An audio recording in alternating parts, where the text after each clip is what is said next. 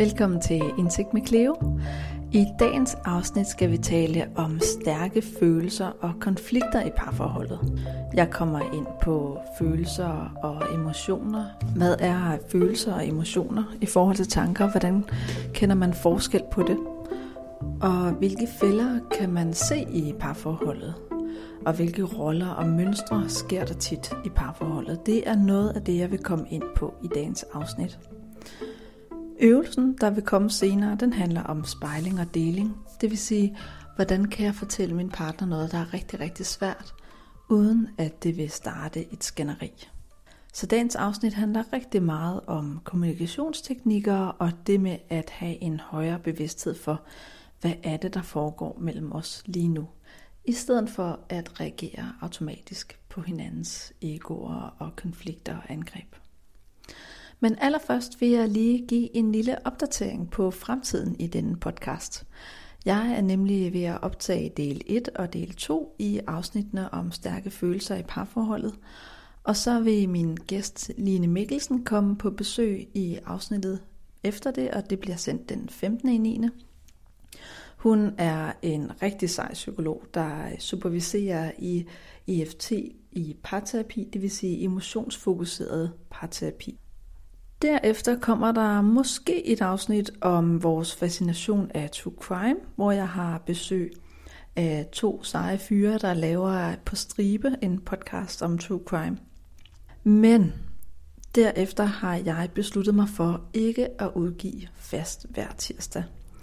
Og det er en beslutning, jeg har taget lidt tilløb til, og det kommer sig af, at det har været ret travlt i mit liv jeg har øh, som altid mange klienter i min hverdag, så det at skulle booke tid til at invitere gæster ind og optage podcast og sidde og redigere den, det kan godt blive lidt for meget nogle gange. Det virker fint, når jeg har et par gæster i kalenderen, når jeg er forud for at have min plan. Men det sidste stykke tid, der har jeg optaget hver uge, og øh, det kan jeg mærke, det er ikke særlig sundt for mig. Så øh, jeg skal simpelthen gøre det, jeg råder alle til, nemlig at mærke efter og skrue ned, hvis der er for mange kogeblader i gang. Og det er der lige for tiden. Derfor vil jeg kraftigt opfordre til at abonnere på podcasten. Det gør du, hvis du hører det på Apple Podcast, så trykker du på abonner, og så vil den poppe op i dit personlige bibliotek over de podcast, du abonnerer på, hver gang jeg har udgivet noget. Så du behøver ikke gå ind og tjekke, øh, fordi nu kan du ikke bruge den her lille reminder om, at det kommer om tirsdagen. Men når du abonnerer, så popper den op af sig selv. Så får du øh, det nyeste afsnit lige så snart det kommer ud. En anden ting, du også kan gøre, det er at gå ind på Facebook. Der er, har jeg en Facebook-side, der hedder Indsigt med Cleo, samtaler om psykologi podcast. Og på Instagram har jeg også en side, den hedder også Indsigt med Cleo. Her kan du følge med. Jeg laver en opdatering hver gang der kommer et nyt afsnit, og du kan også se billeder af dagens gæst, og du kan se de modeller, øh, vi kommer ind på i løbet af afsnittene. Jeg vil øh, også anbefale, hvis du ikke allerede følger dem, så gå ind i dag og følg med, fordi de ting, jeg kommer ind på i dagens afsnit, er ret komplekse, og jeg laver nogle modeller på tavlen, som jeg lægger et billede af. Både på Facebook, men først og fremmest på Instagram, fordi det er der billederne holder til. Husk meget, meget, meget gerne at give en anmeldelse til podcasten. Hvis du hører Apple Podcast, så scroller du lidt ned, og så kan du skrive en anmeldelse.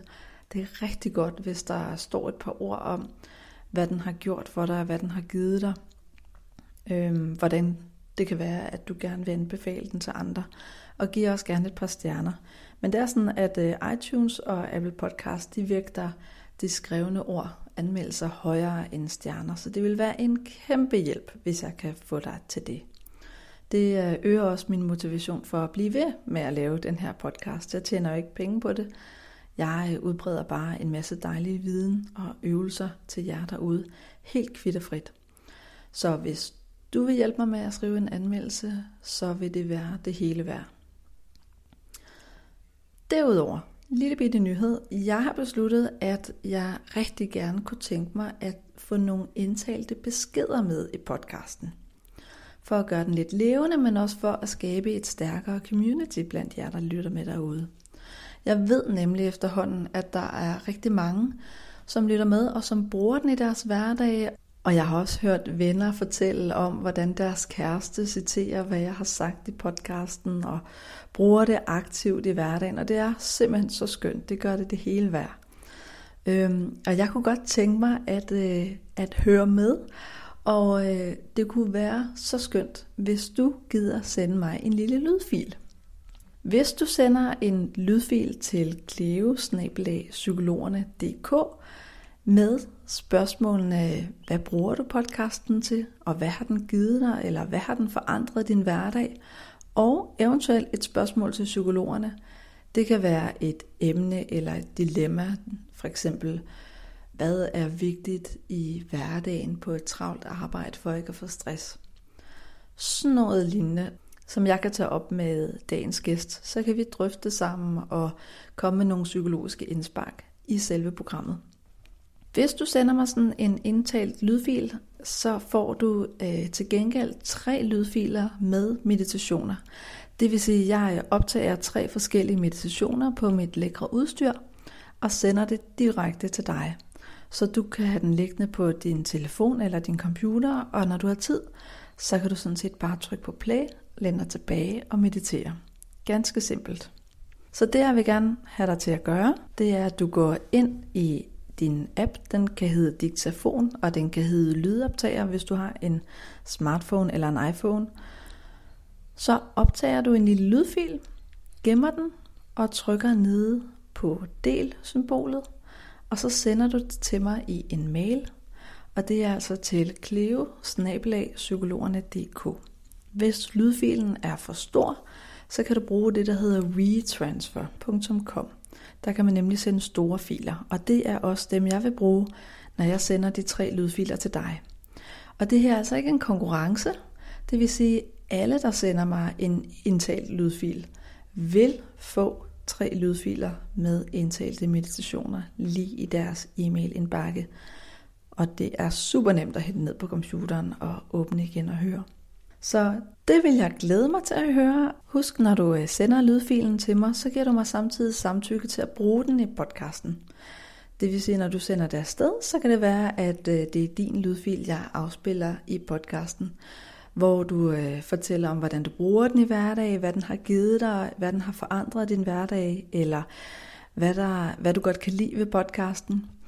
Eller hvis jeg finder et sted, hvor yes, den gæst ved lige præcis noget om det, du spørger om, så kan det også godt være, at jeg afspiller dit spørgsmål, og vi så sidder og reflekterer over dit spørgsmål.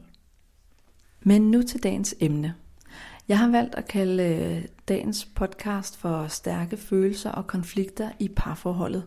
Og jeg har valgt at dele den op i to, fordi at jeg vil rigtig gerne ind på både følelser, emotionsregulering, kommunikation og gaslighting, grænsesætning, selvværd, men det kan man simpelthen ikke få ned i en episode. Og derfor har jeg valgt at dele det op i to. Så i dagens afsnit del 1 kommer jeg ind på følelser og emotioner i forhold til tanker. Hvordan adskiller vi dem og identificerer dem, når det popper op. Jeg kommer ind på fælder i parforholdet, altså det vil sige tankefælder og kommunikationsfælder. Så kommer jeg ind på roller og mønstre i parforholdet. Og til sidst vil jeg som sagt give dig dagens øvelse med, som handler om spejling og deling. I næste afsnit, del 2, der skruer vi lidt mere op for konflikterne. Der vil jeg fortælle dig om, hvad vold i parforholdet er. Jeg kommer ind på de fem forskellige typer. Jeg vil fortælle dig om emotionsregulering og øh, introducere dig til kædeanalysen. Så vil jeg fortælle om psykisk vold, især og gaslighting. Og dagens øvelse bliver en selvværdsøvelse. Men hvad er forskellen egentlig på følelser og emotioner? Jo, følelser er hurtige, de er forbigående, de kan vare alt mellem et enkelt sekund og flere timer. Det kan også vare en hel dag. Men emotioner er langvarige følelser. Det vil sige, det kan for eksempel være, at man er øh, utilfreds i sit parforhold, og det giver en grundfølelse af at være træt eller deprimeret eller trist over flere uger. Forelskelse er modsat også en langsom emotion. Den kan vare fra flere uger til halve og hele år. Og det kan også være sådan noget som depression. Depression er jo også en emotionel lidelse, det vil sige, det er emotioner, der var rigtig lang tid og kan være rigtig svære at arbejde med. Men hvordan er det, at vi skældner mellem følelser og tanker? Jo, følelser kan identificeres ved, at man kan beskrive dem med et ord. Det vil sige tristhed, angst, vrede, afsky, overraskelse, glæde, lykke osv. Tanker derimod, det er oftest hele sætninger. Så hvis jeg for eksempel siger, jamen jeg blev vred på ham på grund af sådan og sådan og sådan, og han gjorde det og det, så er det nok mere en tanke, vi er fat i. Så skal jeg gå et skridt tilbage og spørge, jamen hvad var det, han fik mig til at føle? Det var vrede. Det kan også være, at jeg får en øh, tanke om, at det var helt forfærdeligt, at det skete, og hun sagde det sådan og sådan til mig. Jamen så er det, at vi beskriver en oplevelse eller en fortælling om en oplevelse. Måden vi beskriver det oplevede på, er det vi kalder fortællingen. Hvordan det fik os til at føle, jamen det skal beskrives med et enkelt ord. Så vi har fortællingen, vi har tankerne, og vi har følelsen. Grunden til, at jeg gør lidt ud af at øh, skille tingene ad, er fordi, at det er en fælde rigtig, rigtig mange par hopper i, når de kommunikerer med hinanden. Den mest klassiske fælde er, at man beskriver tanker, men udtrykker, at det er en følelse. Og det skaber nogle misforståelser, fordi lynhurtigt kommer vi ind i den anden form for tanker, der i virkeligheden hedder fortolkninger.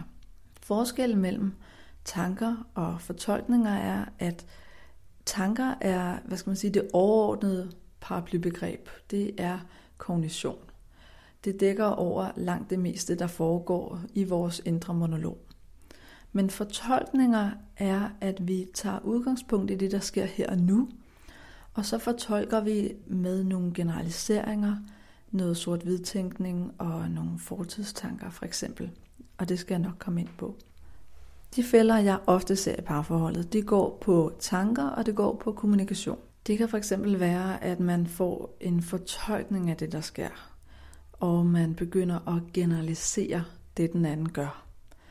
At generalisere, det betyder at sætte den anden i bås og tænke, jamen hun gør altid sådan, eller han gør alt, aldrig sådan. Det er en klassisk altid aldrig tanke. Men det der er med generaliseringer er, at man kan meget sjældent lide at blive puttet i en kasse eller blive forstået på en bestemt måde. Så den, der lytter til kommunikationen i den samtale, vil oftest trække sig tilbage, ikke lytte, forsvare sig selv eller komme med modargumenter, hvorfor det ikke er sådan. Og det kan godt være, at man har ret. Det kan godt være, at der er et mønster. Men den, der lytter til at blive puttet i kasse eller blive mødt med en generalisering, vil trække sig tilbage og holde op med at lytte.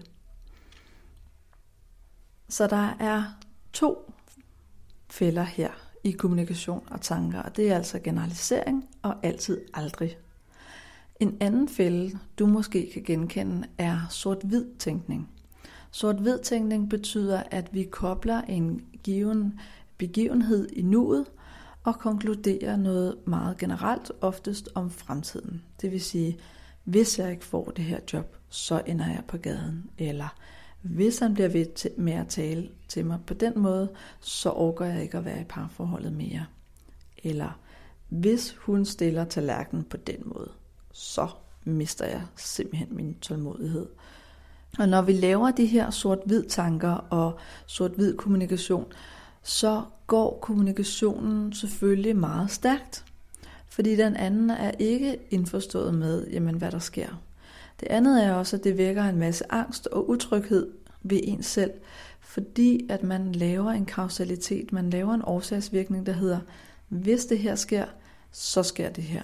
Så det vækker givetvis også en masse katastrofetanker og fremtidstanker. Og fremtidstanker er endnu en fælde.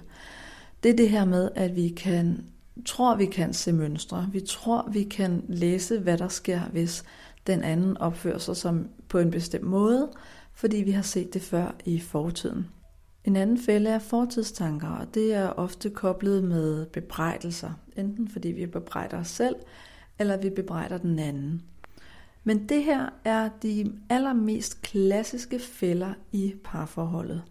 Det er altså, når vi øh, forveksler tanker med fortolkninger, og vi ikke er bevidst om, at nu fortolker vi faktisk på noget, vi ikke ved. Det er generaliseringer sammen med altid og aldrig. Det er sort-hvid tænkning. Det er fremtidstanker. Og det er fortidstanker. Det, der sker, når vi har fat i de her fælder, det er, at vi ikke har kontakt til nuet. Vi mister hurtigt kontakt til vores egne reelle følelser, og vi har svært ved at tale ud fra et aktivt jeg. Det vil sige, at vi tager meget sjældent ansvar for, hvad vi selv gør lige nu og her. Og vi mister blikket, vi mister overblikket for det, der sker nu og her.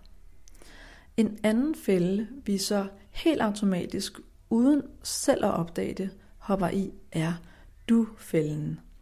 Og her taler jeg ikke så meget om tanker og fortolkninger, fordi der er vi allerede over i du. Jeg taler mere om den kommunikation, der foregår mellem partnerne i et parforhold. Det er det her med at sige, du gør altid sådan, i stedet for at forholde sig fra et aktivt jeg. Når vi arbejder i du, når vi kommunikerer i du og kommer med anklager, putter i kasser, generaliserer, så kan man godt se, at der er et problem, men vi tager ikke selv ansvar for det. Det er den andens ansvar. Og så ender man i det, man kan kalde for ulvesprog. Det vil sige, at man, man kigger efter fare i nærheden, man kigger efter fjender, og man prøver ligesom at, at udradere de her fjender gennem sin kommunikation. Problemet er, at den, der lytter til kommunikation, som kun går på du og på anklager, og på bebrejdelser, det er, at man holder op med at lytte, og man begynder at forsvare sig selv, fordi egoet, altså vores fornemmelse af, hvem man er, har brug for at forsvare sig selv, så man ikke bliver revet helt i stykker. Når vi taler om kommunikation i parforholdet, skal vi altså være fra vores eget jeg. Vi skal holde os på vores egen banehalvdel. I inden for ikke-voldelig kommunikation, der taler man om, at man skal holde sig fra bebrejdelser og generaliseringer og angreb, og øh, blive på øh, sit jeg. Det vil sige, når man skal fortælle noget, der generer en, så i stedet for at starte ud med, hvad den anden gør forkert, og hvordan det altid kan være, at det altid sker på den måde, og at man er rigtig træt af det, så vender vi bøtten om. Vi starter med at udtrykke en observation. En observation er altså ting, der kan måles og vejes i den fysiske verden. Det er noget, du kan se, det er noget, du kan høre, men en observation er altså det, der foregår mellem os. Så her har vi allerede lavet det første venlige mentaliserende trick, nemlig vi taler ud fra et fælles problem. Noget, der ikke rigtig er til at diskutere. Del 2 er, jeg udtrykker mine følelser. Jeg ser den her ting, vores fælles problem. Det får mig til at føle sådan og sådan. Så det vil sige, at vi stopper lige op et øjeblik, vi stopper os selv fra at komme med generaliseringer og tanker, mærker efter og forholder os faktisk til, hvordan det får os til at føle det, der sker. Dernæst udtrykker vi vores behov. Fordi det vi ofte glemmer i skænderier er at udtrykke, jamen hvad er egentlig mit behov? I stedet for så kommer vi med øh, anklager og bebrejdelser mod den anden. I stedet for at bede om at sige, jeg har behov for at få mere af noget, så klager vi over, hvad vi får for lidt af. Så vi vender igen bøtten om, vi tager ansvar for vores egen banehalvdel, vi er faktisk at udtrykke vores behov, og vi kommer et niveau dybere. Fordi lige pludselig bliver det tydeligt for den anden, for den der lytter, hvorfor det er vigtigt, hvorfor det her bliver taget op, og hvordan det kan være, at vedkommende føler, som han eller hun gør. Det sidste, vi skal komme ind på, når vi udtrykker os gennem ikke-voldelig kommunikation, er at beskrive det fælles problem, vi ser. Så i stedet for, at vi diskuterer, hvorvidt der er et problem, eller hvordan problemet ser ud, så tager vi et helikopterperspektiv på og beskriver, jamen hvorfor er det her et problem for os begge to? Og så opfordrer man dernæst til, hvordan vi kan løse det her fælles problem. Jeg skriver selvfølgelig den her model op på tavlen. Jeg tager et billede af den til dig og lægger den på Instagram. Men for lige at give et eksempel, for at gøre det tydeligt, så kommer jeg tit med sokker på gulvet eksemplet. Jeg kommer hen til min øh, mand eller kæreste, og så siger jeg til ham, du rydder aldrig op efter dig. Jeg er så træt, at de sokker ligger ud over det hele. Gider du godt tage dig sammen, sammen ind og lægge dem til vask? De skal ikke ligge ud over hele soveværelsesgulvet. Jeg bliver simpelthen så frustreret over, at du er sådan et rådhoved. Jeg ved ikke, om du kunne fortælle, hvor mange fælder jeg hoppede i der, hvis jeg udtrykte mig sådan. Men der er i hvert fald en masse generalisering, der er en masse du, der er en masse angreb. Men man forholder sig ikke rigtigt til, hvorfor at man bliver så frustreret. Man viser sin frustration i sit kropssprog, i sin tone, i sit sprog, men man i tale sætter det ikke.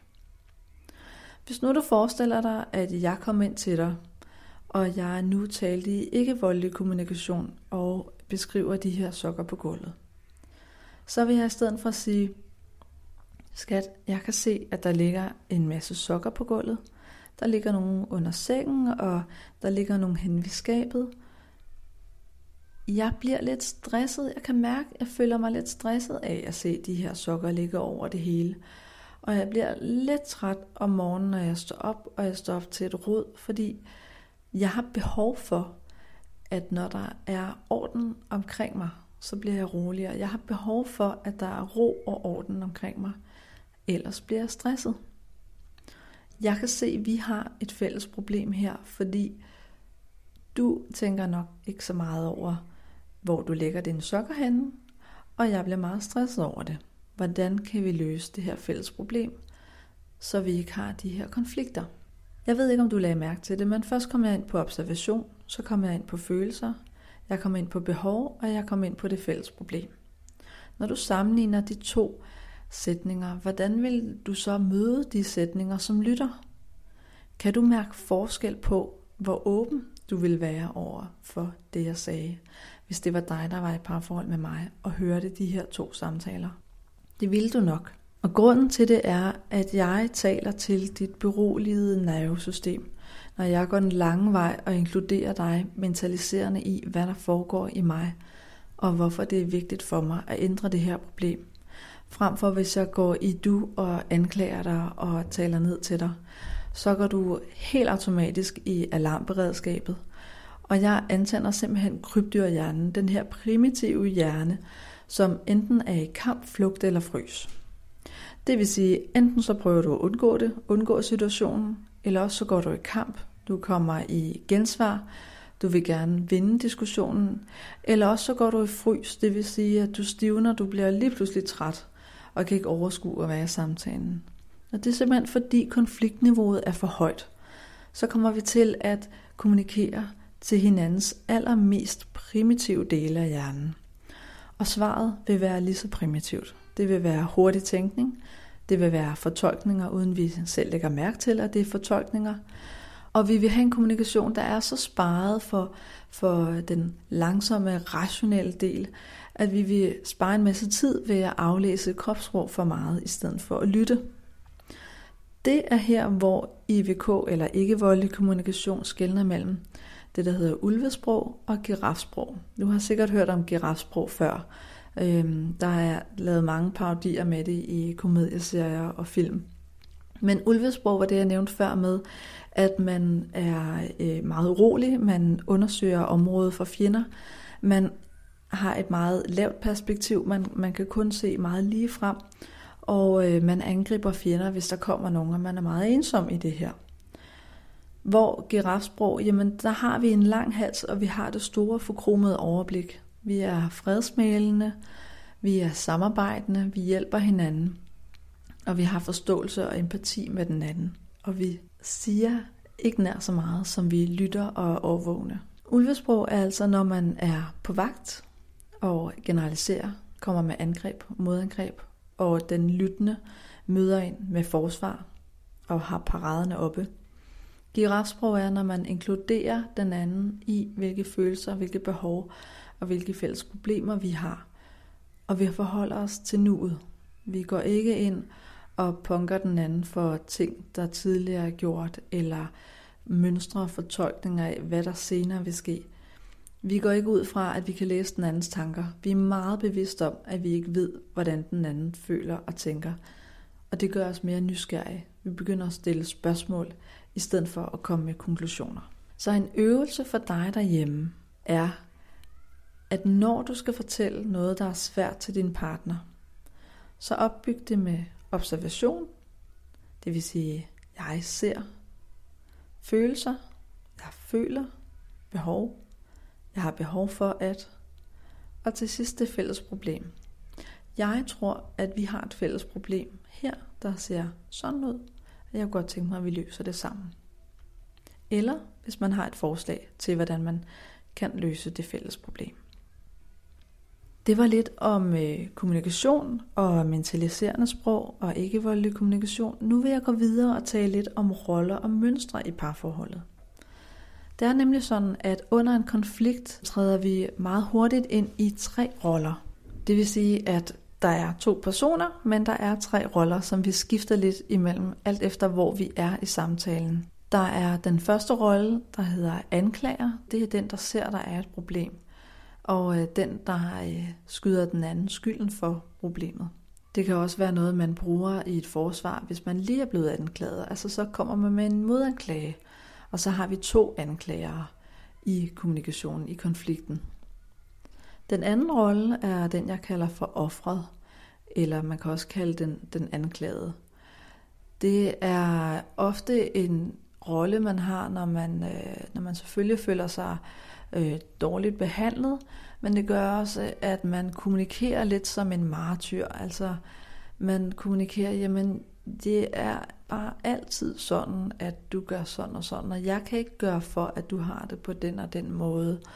Og det er aldrig min skyld, og hvis bare, at du ændrer dig lidt, og det er rigtig synd for mig, jeg kan jo ikke gøre for, min barndom dikterer at, og så videre. Så det vil sige, at der er en angribende anklagerrolle, og så er der en offerrolle eller den anklagede rolle. Og det der er forskel mellem de to er, at den anklagende angriber, det er den, der kommer med de her fortolkninger og anklager. Det er den aktive part i kommunikationen, hvor offret er i forsvar. Det er altså det, man i fodbolden kalder offensiv og defensiv. Offret er altså defensiv og forsvarer sig selv. Egoet fylder rigtig meget her. Og det klassiske, som et offer vil gøre, er at forklare, hvad det var, der skete, siden at vedkommende gjorde eller sagde, som vedkommende gjorde. Problemet med de her forklaringer er, at når den anden har den anklagende rolle på, så vil de høre det som forsvar. Så det kan godt være, at man som offeret har brug for, at den anden bliver sat ind i ens perspektiv, og man har brug for at skabe mentalisering og forståelse fra den anden, typisk fordi man vil undgå den situation, der er lige nu, og fordi at man gerne vil komme til genmæle. Men i det man forklarer, hvad det var, der skete, så kan det virke på den anklagende, som om man forsvarer sig selv, og som om man ikke lytter til, hvad den anklagende siger, og derfor kommer de længere og længere væk fra hinanden. Den sidste rolle er frelseren. Der er altså tre roller. Der er anklageren, offer og frelser. Frelseren er den rolle, man indtager, når man har brug for, at nu skal vi nedtrappe konflikten. Nu skal vi komme til en enighed. Det er den diplomatiske rolle, man påtager sig. Det er problemløseren. Og der skal to til et skænderi, men der skal kun en til at ændre på skænderiet. Og det er altså frelseren, der kan det. At være frelser er ikke det samme som at sige undskyld og blive ked af det og lade sig skælde ud. Det er mere over i offeret. Frelseren er den, der siger, nu kan jeg mærke, at stemningen er blevet uheldig. Jeg bryder mig faktisk ikke om det lige nu. Hvad er vores fælles problem lige nu? Hvordan kan vi ændre det? Hvordan kan vi lægge en plan? Hvilke nye aftaler kan vi lave? Det kan også være, at vedkommende spørger ind til, om den anden har behov for at sætte grænser. Det kan være, at frelseren spørger ind til, hvad den andens behov er. Men det er det her med, at man har blik for, jamen hvis vi lige pauser konfliktniveauet et øjeblik, kan vi så komme ind til et fælles fodslag, hvor vi faktisk taler om det, der er vigtigt for os, nemlig problemløsning og behov. Når jeg har parterapi, så deler jeg det op i fire roller. Der er anklager og offer, selvfølgelig som vi kom ind på før. Det de to har til fælles, det er, at de begge ser et problem, men der er ingen af dem, der tager ansvar. Den, der er anklager, den, der siger, at den anden gør noget forkert, den, der kan øh, identificere og påtale problemet, tager ikke ansvar, fordi vedkommende udtrykker, at det er den andens skyld. Offret eller den anklagede ser også, at der er et problem, fordi vedkommende bliver jo anklaget for problemet. Men vedkommende tager heller ikke ansvar.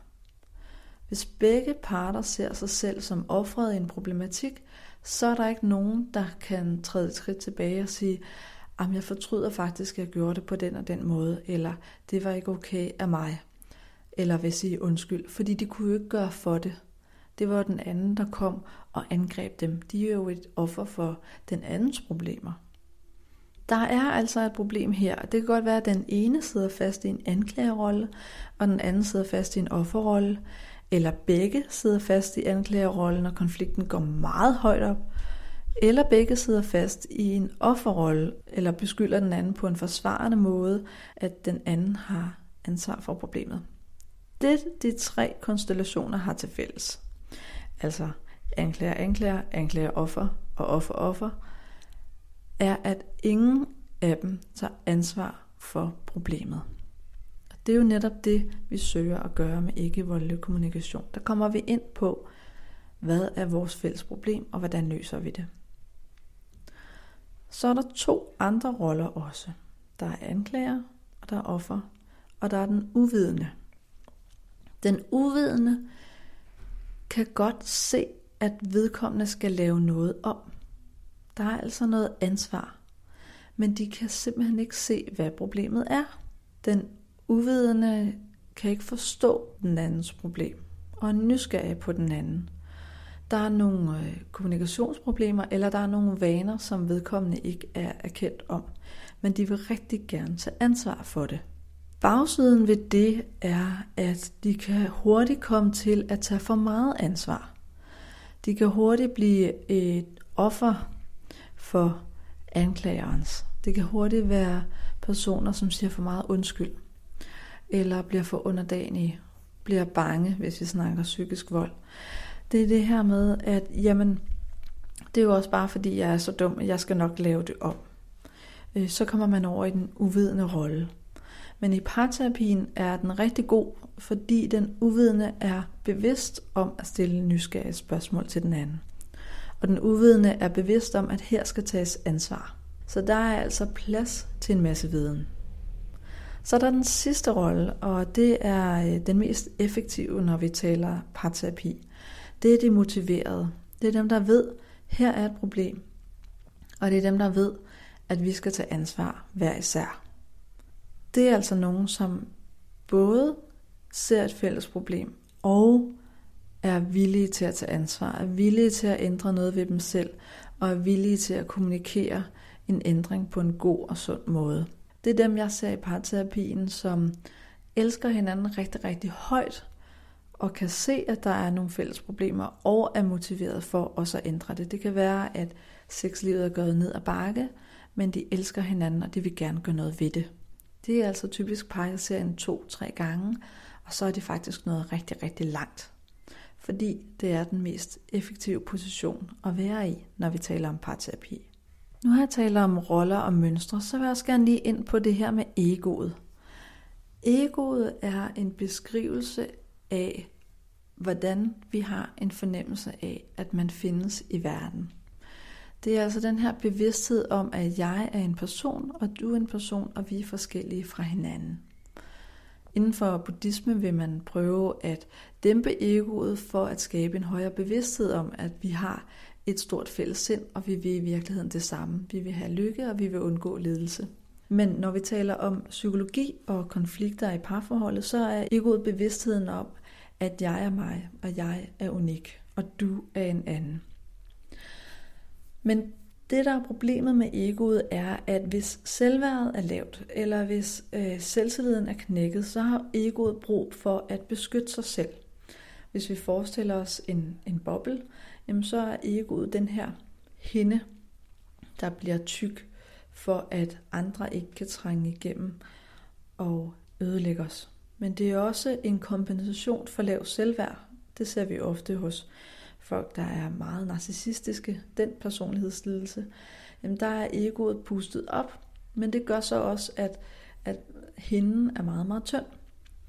Øhm, så det vil sige, det kan godt være, at det virker som om, at man har en masse selvtillid, men egoet er meget skrøbeligt.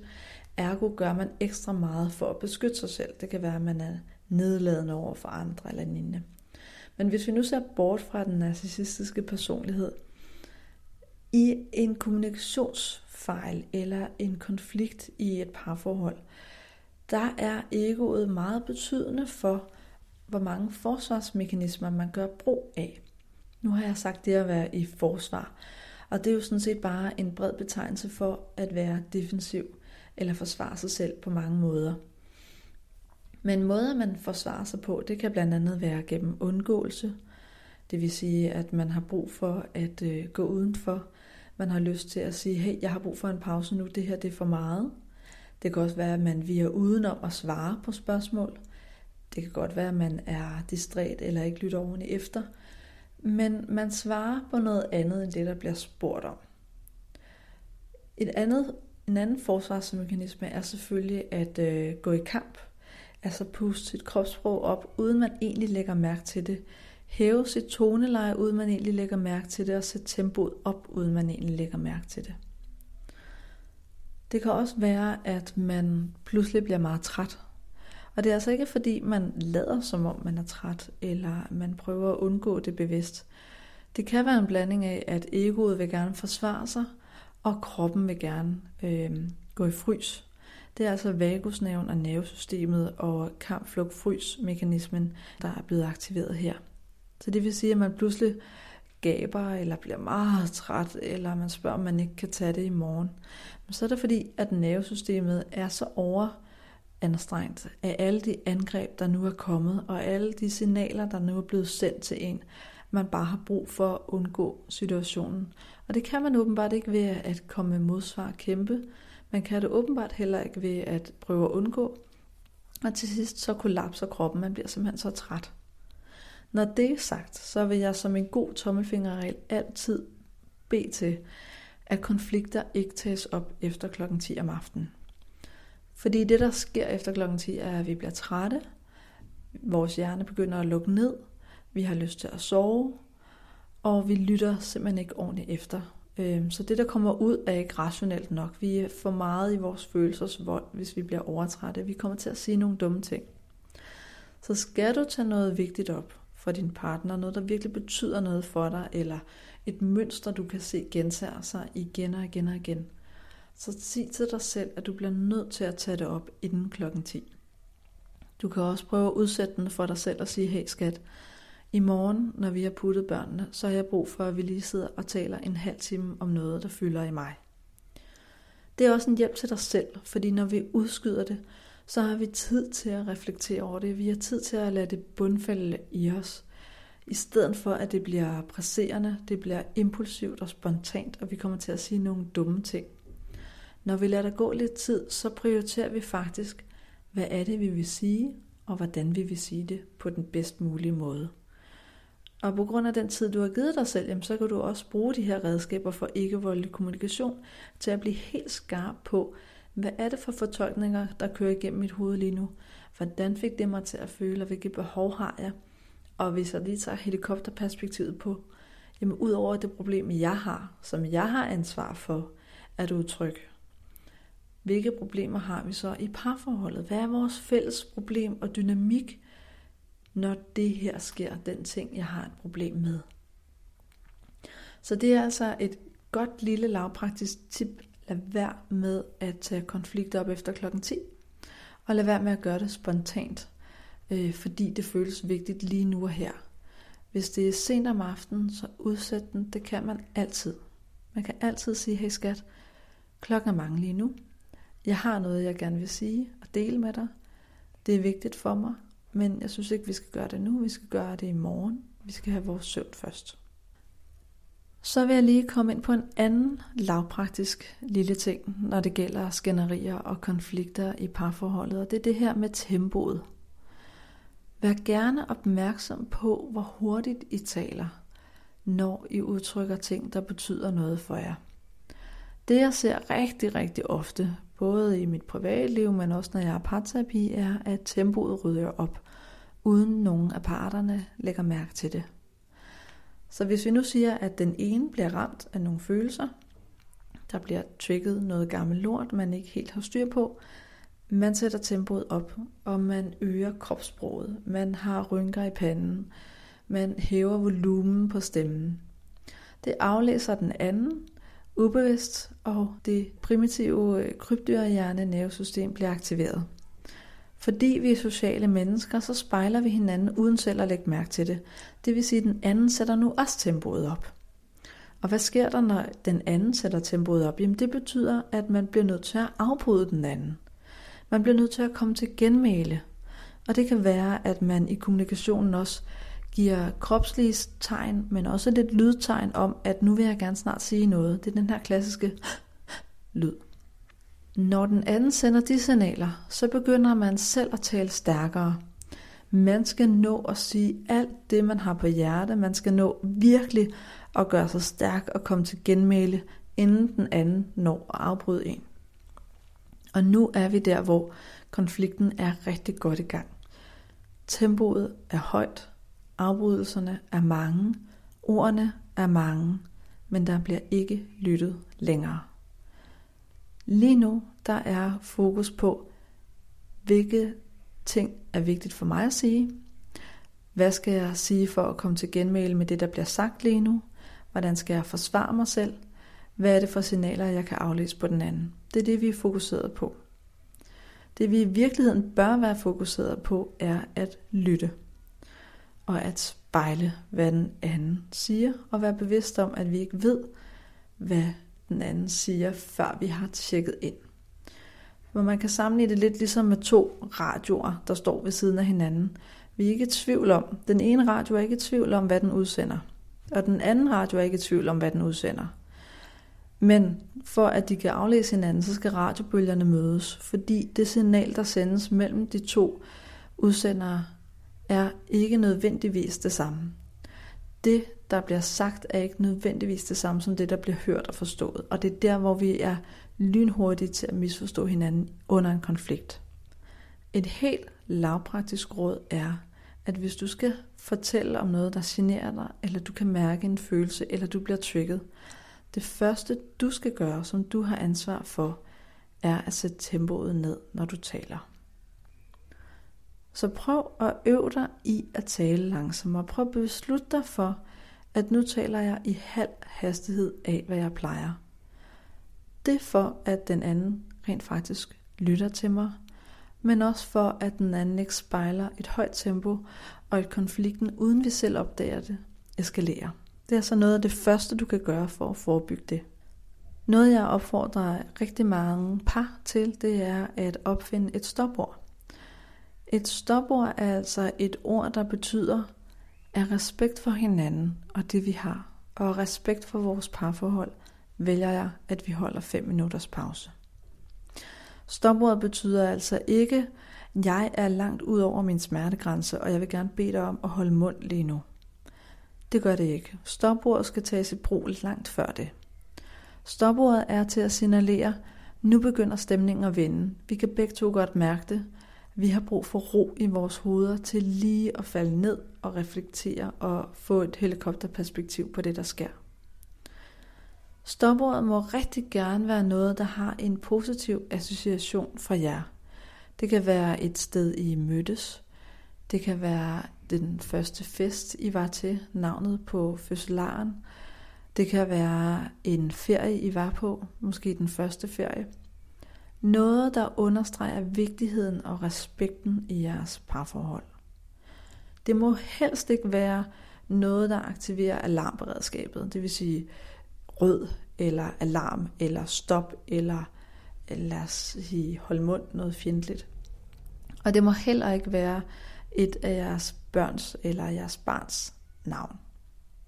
Fordi lige så snart vi putter barnets navn på, jamen, så begynder det at, at blive for dramatisk. Vi skal ikke bruge vores børn som våben generelt, og vi skal heller ikke bruge det i vores signaler i vores kommunikation.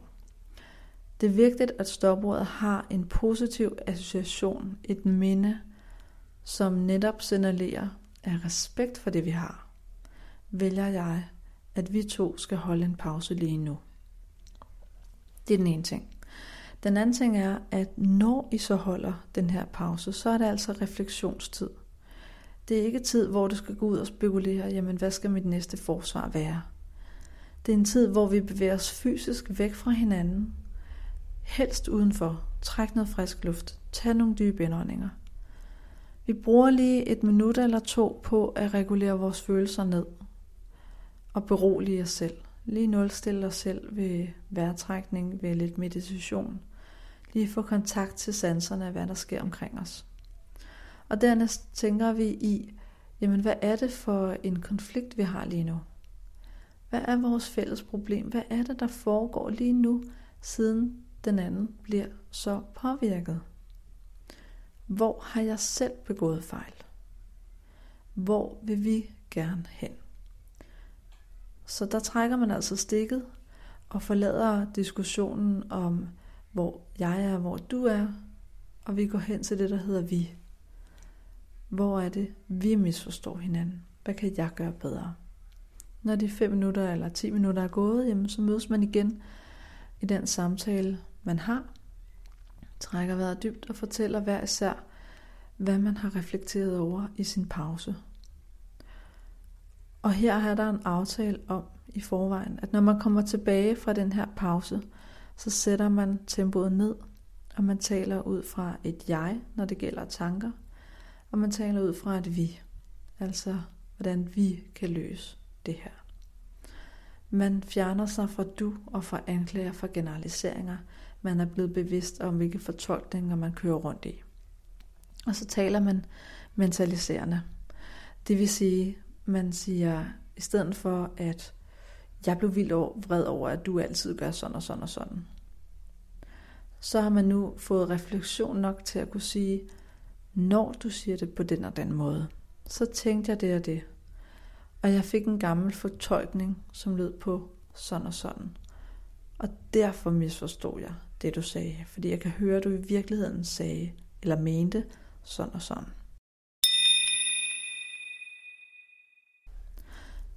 Nu er vi kommet til dagens øvelse.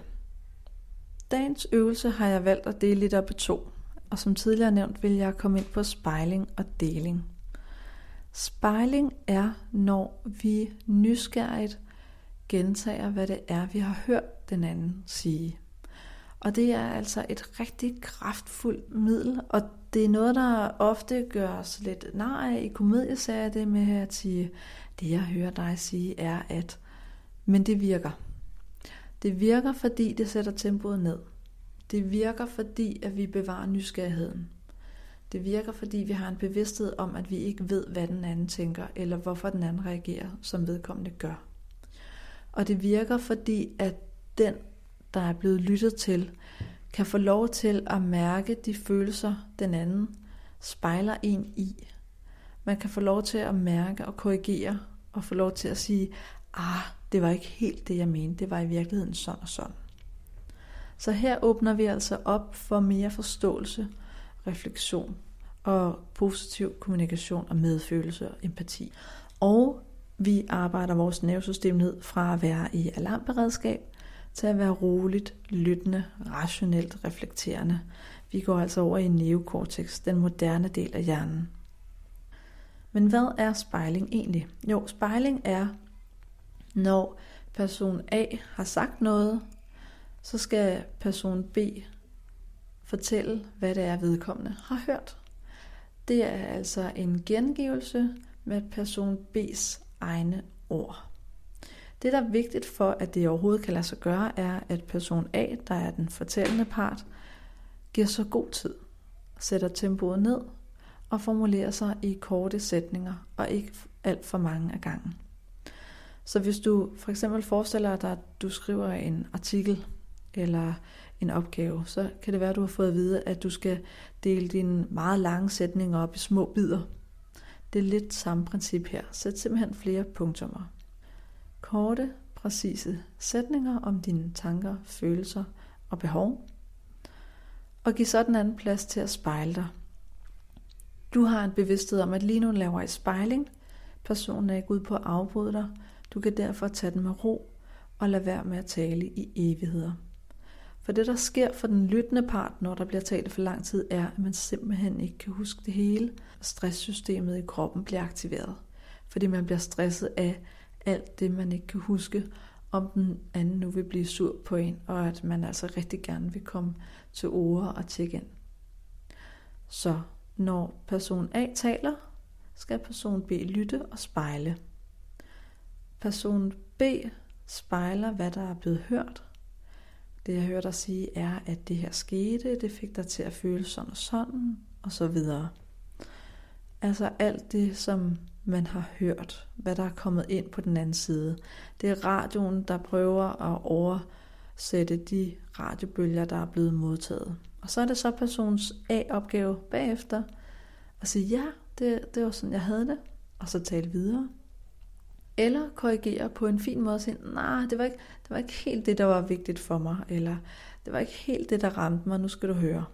Og sådan sidder man altså og, og spejler.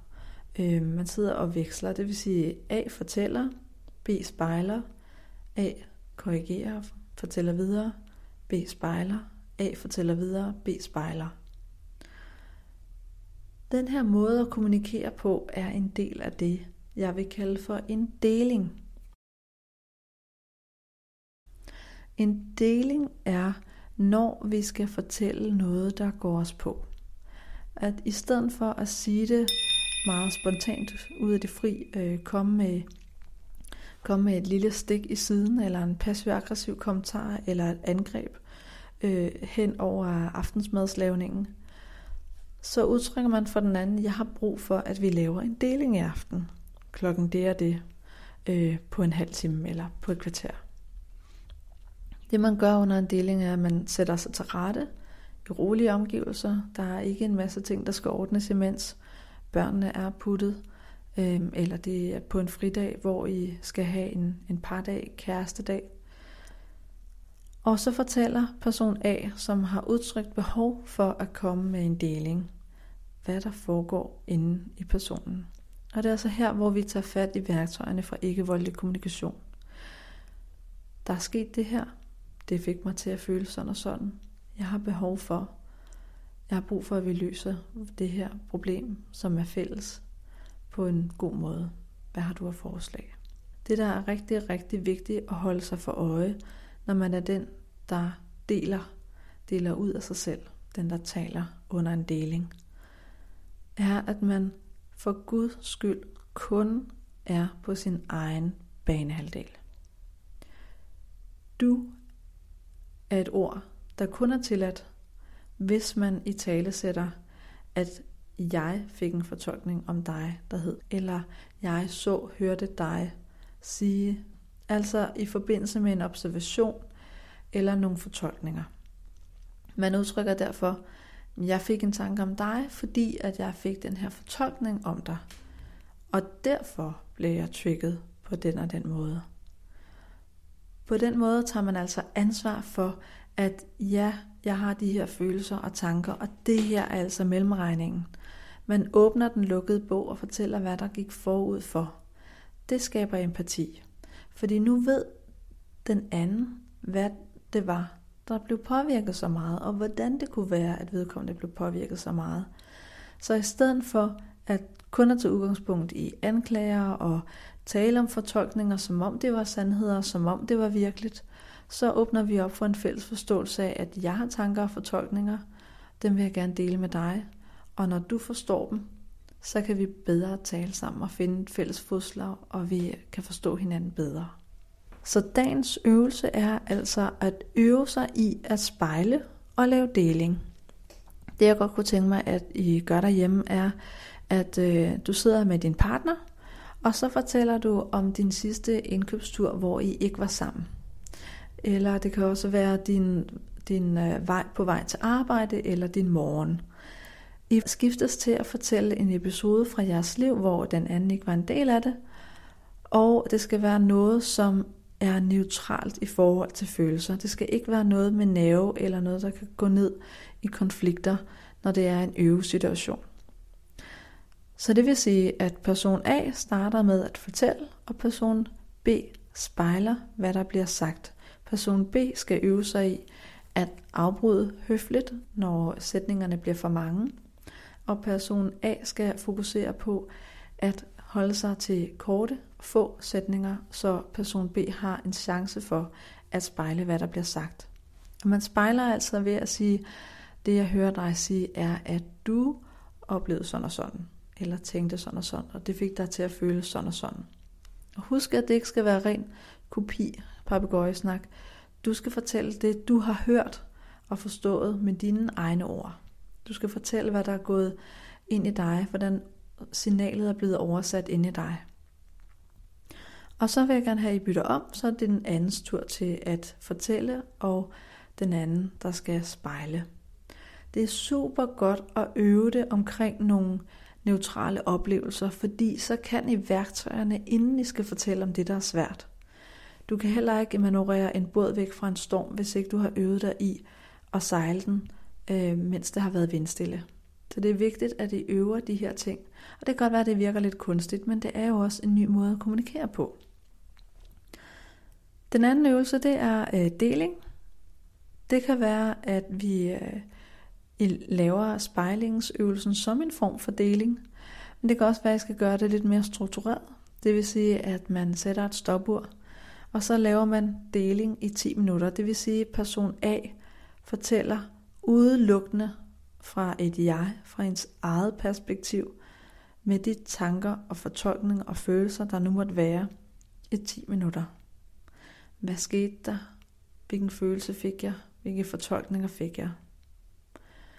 Det, der er rigtig svært i den her situation, og jeg vil fraråde jer par, som har et lidt højt konfliktniveau, når I øh, har skænderier, eller som er i underskud lige nu, at gøre det.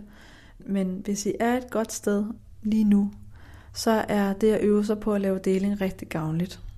Fordi at man øver sig på et, at forholde sig til sin egen banehalvdel og kun være i et jeg. Og to, lytteren øver sig i at lytte og intet andet. Men ved en deling, der sætter i et stopur, og så er det den, der taler, som taler i 10 minutter. Og den, der lytter, er stille og lytter. Så forskellen er altså, en deling er, hvis man siger til sin partner, jeg har brug for at dele noget, så afsætter man tid til det. Og så kan man øh, inden deling aftale, om det kun skal være deling, hvor man taler 10 minutter, og der så bliver lyttet 10 minutter, fordi man bare har brug for at komme ud med det, eller om man har brug for spejling, om det skal være en dialog med spejling. Så den ene øvelse er spejling. Prøv at øve det her med at fortælle om jeres sidste indkøbstur, hvor I spejler hinanden. Og en separat øvelse, der hedder deling, er prøv at sætte stop ud af 10 minutter. Fortæl om din dag ud fra dit eget perspektiv. Kun om dig selv, kun om dine følelser, kun om dine fortolkninger, kun om dine tanker, uden at angribe den anden. Og tag dig selv i det, når du øh, får udtrykt en fortolkning, men opdager, at det i virkeligheden var en fortolkning. Så sig, så fik jeg en fortolkning af, at du ville sådan og sådan. Og den, der lytter, skal øve sig i at lytte. Luk gerne øjnene. Udtryk, at du, øh, du vil under delingen lukke øjnene for at koncentrere dig bedre. Når I kan de her værktøjer, når I kan spejle og når I kan dele, så kan I faktisk tale om de rigtig, rigtig svære emner, uden nødvendigvis at gå i et skænderi. Dette var del 1 i afsnittet om stærke følelser og konflikter i parforholdet. I næste uge kan du høre del 2, som handler om gaslighting og vold i parforholdet, og der kommer jeg ind på de fem former for vold i parforholdet. Jeg kommer ind på selvværd, og hvordan man beskytter sig selv, når der er øh, psykisk vold eller fysisk vold i parforholdet. Så vi skruer lidt op for konflikterne i næste uge, og øh, her får du en øvelse med i starten, som handler om kædeanalyse. Og den tager jeg ind i starten, fordi der er rigtig meget teori og viden omkring følelser, og hvordan vi regulerer os selv og vores følelser i forhold til den anden og i forhold til at kommunikere. Ha' en dejlig dag, og jeg håber, at du kan bruge dagens ord til noget.